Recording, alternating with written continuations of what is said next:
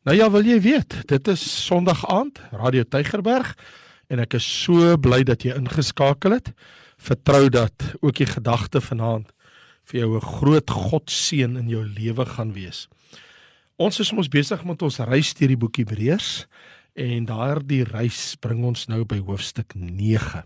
Gaan net die eerste 10 verse vir jou lees en dan 'n klompie gedagtes met jou daaroor deel.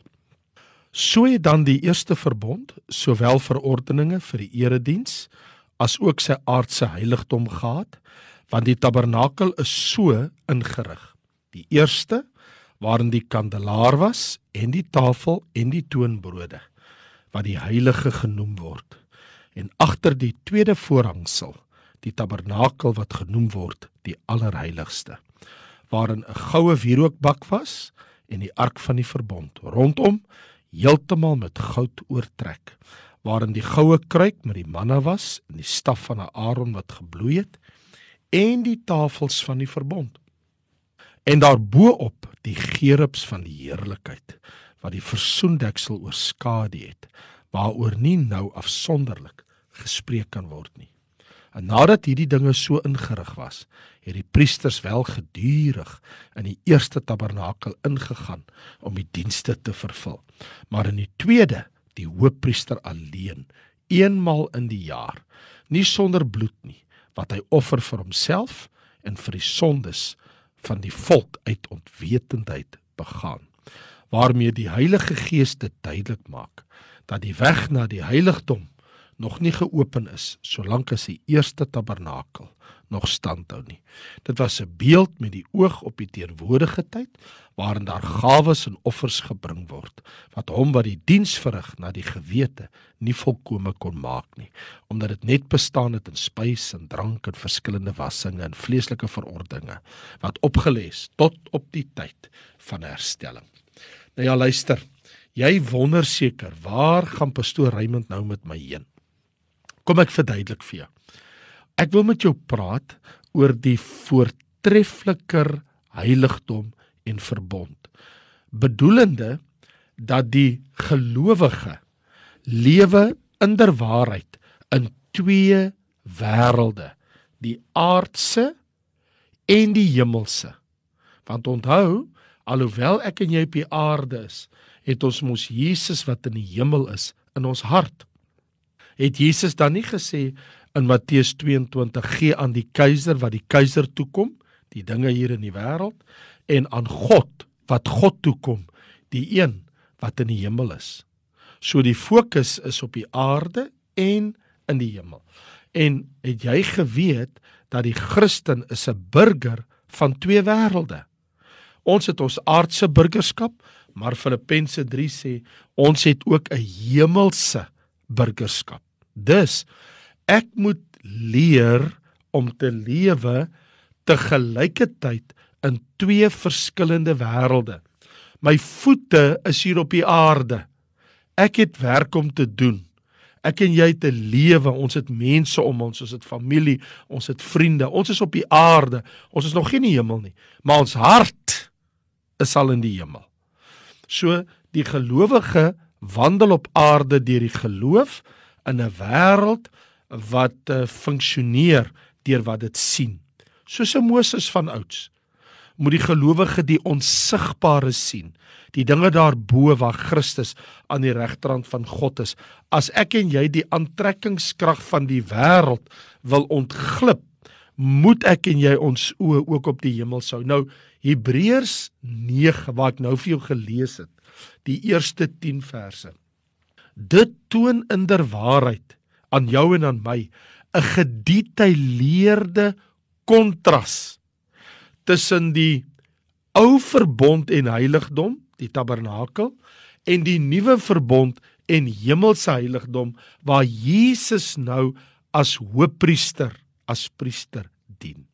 So die kontras wat die skrywer nou voorhou hier in Hebreërs 9 vers 1 tot 10 is een van waar die nuwe verbond, heiligdom, is voortreffliker as die oue. Nou, wat was dit wat die aardse tabernakel minderwaardig gemaak het teen die hemelse. Verstaan jy wat ek vra? Ek vra die vraag: Hoekom is die hemelse meerderwaardig teenoor die aardse wat minderwaardig geag word? Nou daar is ten minste 5 antwoorde op hierdie vraag as ons gaan kyk na hierdie eerste 10 verse van Hebreërs 9. Ten eerste En onthou wat ek nou vir jou sê, ek sê daar's ten minste 5 dinge, 5 antwoorde wat ek op die tafel kan plaas om te sê dit is hoekom die aardse tabernakel minderwaardig is teen die hemelse. Eerstens, die aardse is wat dit is. Dit was 'n aardse tabernakel. Die vers sê mos, vers 1. So het dan die eerste verbond en sy verordeninge vir die erediens sy aardse heiligdom gehad. So dit beteken dit was mensgemaak. Dit was deur mense opgerig. Hebreërs 8 vers 2 sê mos dat 'n tabernakel wat die Here opgerig het, nie 'n mens is die hemelse een, maar die aardse ene. Mense het vir Moses hulle gawes, geskenke gebring vir materiaal vir die aardse tabernakel, heiligdom. Selfs al het die Shekinah heerlikheid van God daar ingetrek, toe daai aardse tabernakel gebou was, is dit nog steeds net 'n aardse heiligdom. Nou behalwe dat dit voortdurend aandag nodig gehad het, want telke male soos wat hulle gereis het deur die woestyn, deur die wildernis, moes hulle dit opslaan en afslaan en opslaan en afslaan. So hierdie aardse heiligdom het uitsluitlik en alleenlik aan die volk Israel behoort, die nageslag van Abraham, Isak en Jakob. So my eerste antwoord is dat die aardse tabernakel is minderwaardig teenoor die hemelse want dit is aards. Tweede punt. Dit was 'n tipe van iets groters. As ons oplet na vers 2 en 5, onthou ek het gesê ek het vir jou 5 antwoorde. 1. Dit was 'n aardse tabernakel. Dis hoekom dit minderwaardig is teen die hemelse, nê? Nee. Nou nommer 2. Dit was 'n tipe die aardse tabernakel van iets groters. Maar nou verduidelik hy in vers 2 tot vers 5 dat hierdie tabernakel, die aardse tabernakel, is so en so en so ingerig en hy verduidelik dit nou baie mooi daar. So die lysie wat hy bied van die ameublement van die aardsheiligdom het elk diep geestelike betekenis soos wat ek en jy mos nou al gesien het. Maar nou praat hy van die eerste en die tweede heiligdom. In ander woorde, hy praat van die twee divisies. Hy sê Wanneer ons oor die aardse tabernakel praat, ons het 'n heiligdom en ons het 'n allerheiligste. Nou ek en jy weet, in die allerheiligste was die ark van die verbond. In die heiligdom is die kandelaar, die tafel met die toonbrode en natuurlik was daar ook die reukofferaltaar. Nou elkeen van die twee afdelings het mos nou sy eie meubels gehad, ameublement. Elke item het 'n geestelike ryke betekenis gehad. En daar's geen twyfel van die geestelike waarhede wat opgesluit lê in dit alles nie. Almal het groot waarde gehad. Tog is die mees belangrike waarheid dat alles in die aardse heiligdom binne en buite ehm um, die die heiligdomme was maar net simbole tipies tipes skaduwees van geestelike realiteite van iets groters So dit is hierdie feit wat maak dat die aardse tabernakel van die ou verbond is 'n tipe van iets anders. Daarom is dit minderwaardig. En die derde punt wat ek wil maak is dat behalwe dat dit net 'n tipe was van iets groters en dat dit aards was, moet jy onthou dat die aardse tabernakel was ontoeganklik vir mense. Moenie jy die indruk kry en ek dat die tabernakel was vir almal, vir Israel en al die Jode kan daar gaan aanbid nie. Nee, nee, nee. Net die stam van Levi, die priesters uit die stam van Levi is toegelaat daar binne in die heiligdom. Net priesters kon die heiligdom binne gaan op wie die lot geval het wie se beurt dit was om daar binne te bedien.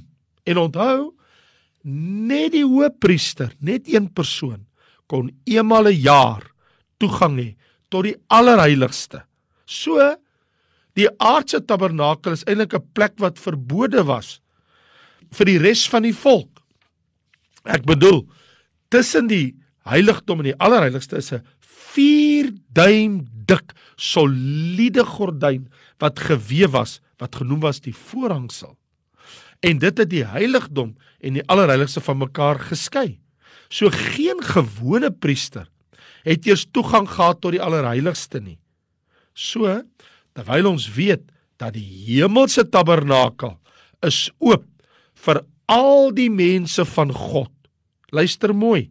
Hebreërs 10 sê vers 19 terwyl ons broeders vrymoedigheid het om in die heiligdom in te gaan deur die bloed van Jesus op die nuwe en die lewende weg wat hy vir ons ingewy het deur die voorhangsel heen.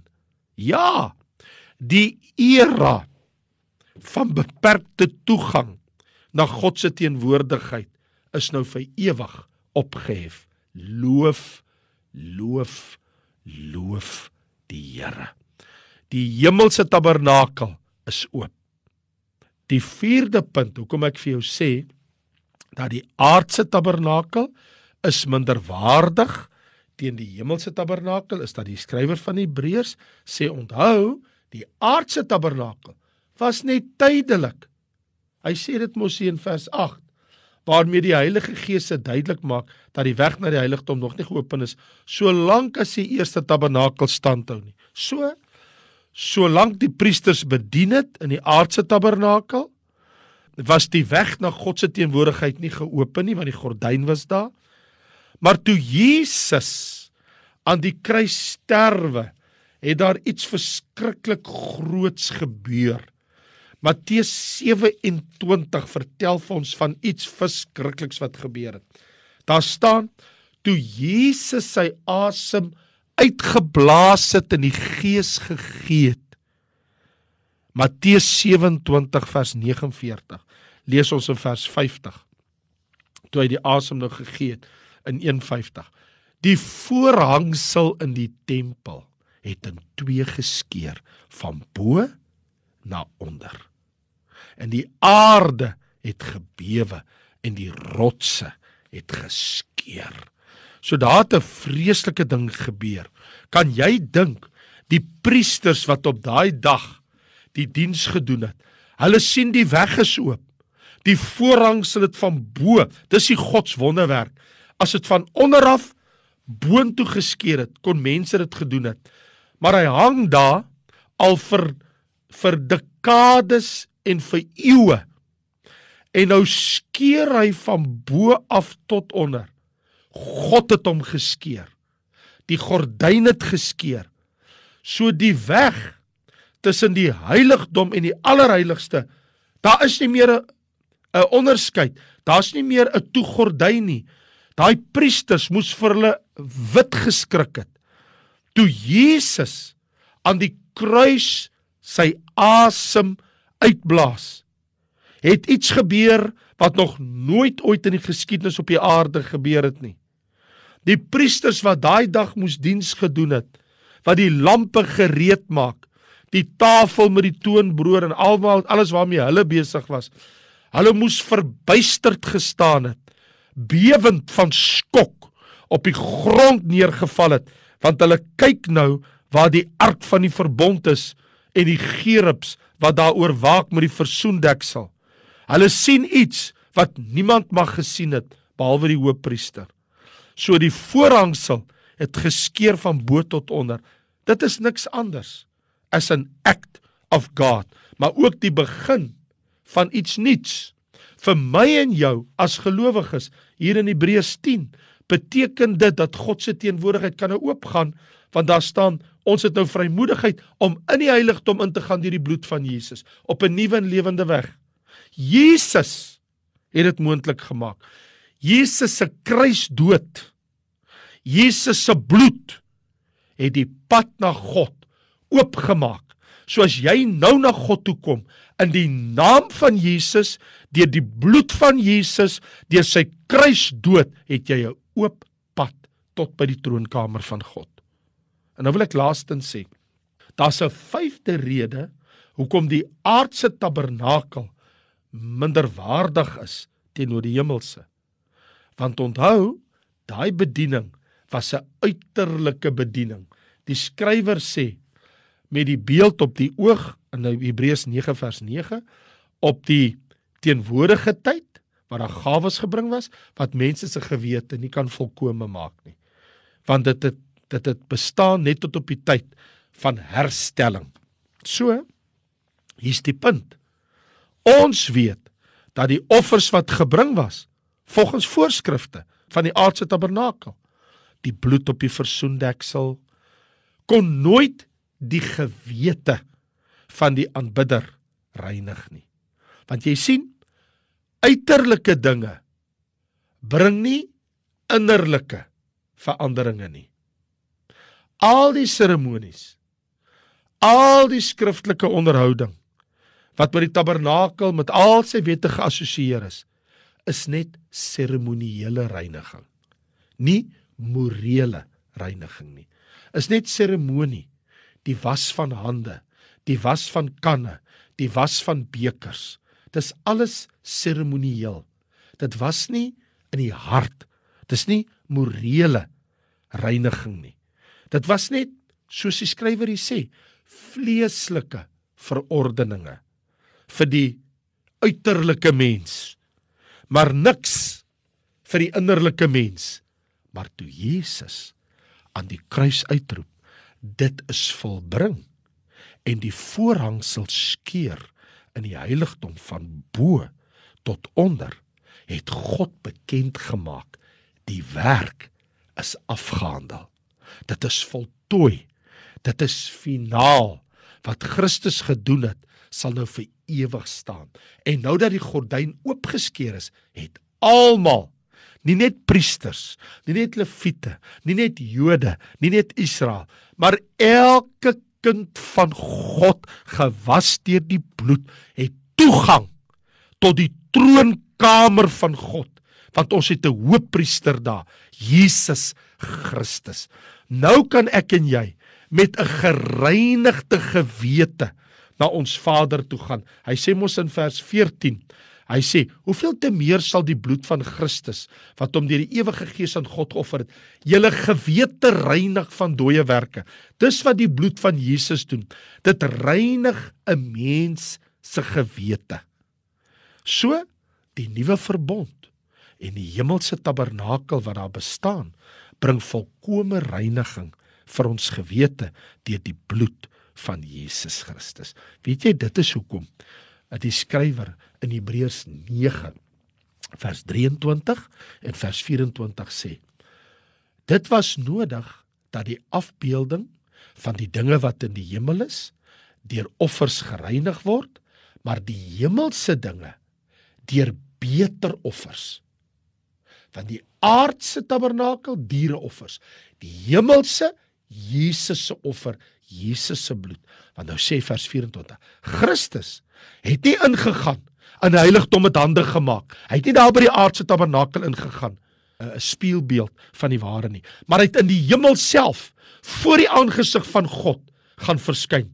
Nie om homself dikwels te offer soos diereoffers nie, maar eenmal ingegaan in die heiligdom. Eenmal sy bloed gestort en eenmal het hy vir ons die weg oopgemaak. Dis die wonder van hoekom Jesus aan die kruis gesterf het. So ons het in Jesus 'n nuwe verbond, 'n nuwe testament, 'n beter, meer voortreffliker tabernakel waar ek en jy toegang tot God kan kry. Ons is nie besig met skade wees. Ons is nie besig met tipes nie. Ons is nou besig met ewige realiteite. En hoe doen ek en jy dit? Johannes, ek wil afsluit met hierdie woorde dat Johannes sê dat Jesus het gesê as jy nou God wil aanbid, moet jy dit so doen. Dis nou Johannes 4 vers 20 en verder. En Jesus sê, toe die vrou sê, "Ja, maar ons Vader sê ons moet in Jerusalem by die tabernakel aanbid." Toe sê Jesus, "Julle weet nie wat julle aanbid nie. Ons aanbid wat ons weet want die saligheid is uit die Jode. Daar kom 'n uur en dit is nou. Wanneer die ware aanbidders die Vader in die gees en waarheid sal aanbid. Want die Vader soek ook na mense wat hom so aanbid. God is gees en die wat hom aanbid moet in gees en waarheid aanbid. Vader, Vader van ons Here Jesus. Dankie vir die hemelse tabernakel. Dankie dat Jesus eenmaal met sy eie bloed in die hemelse tabernakel ingegaan het en 'n ewige verlossing, 'n ewige verzoening teweeggebring het. Dankie Here dat U die gordyn geskeur het van bo tot onder. Die pad is oop, die weg is oop. Ons het 'n nuwe pad. Ons het 'n nuwe weg. Ons het 'n nuwe plek. Ons het 'n nuwe tabernakel waar Jesus vir ons as voorloper ingegaan het waar die gordyn die voorhangsel geskeur is waar daar nie meer skeiding is nie waar elke kind van God na die troonkamer kan kom dankie Here vir hierdie godsvoorreg in Jesus naam amen maar toe ek groet jou ek is Raymond Lombard en ja volgende week as die Here wil dan reis ons verder in Hebreërs. Baie dankie en totsiens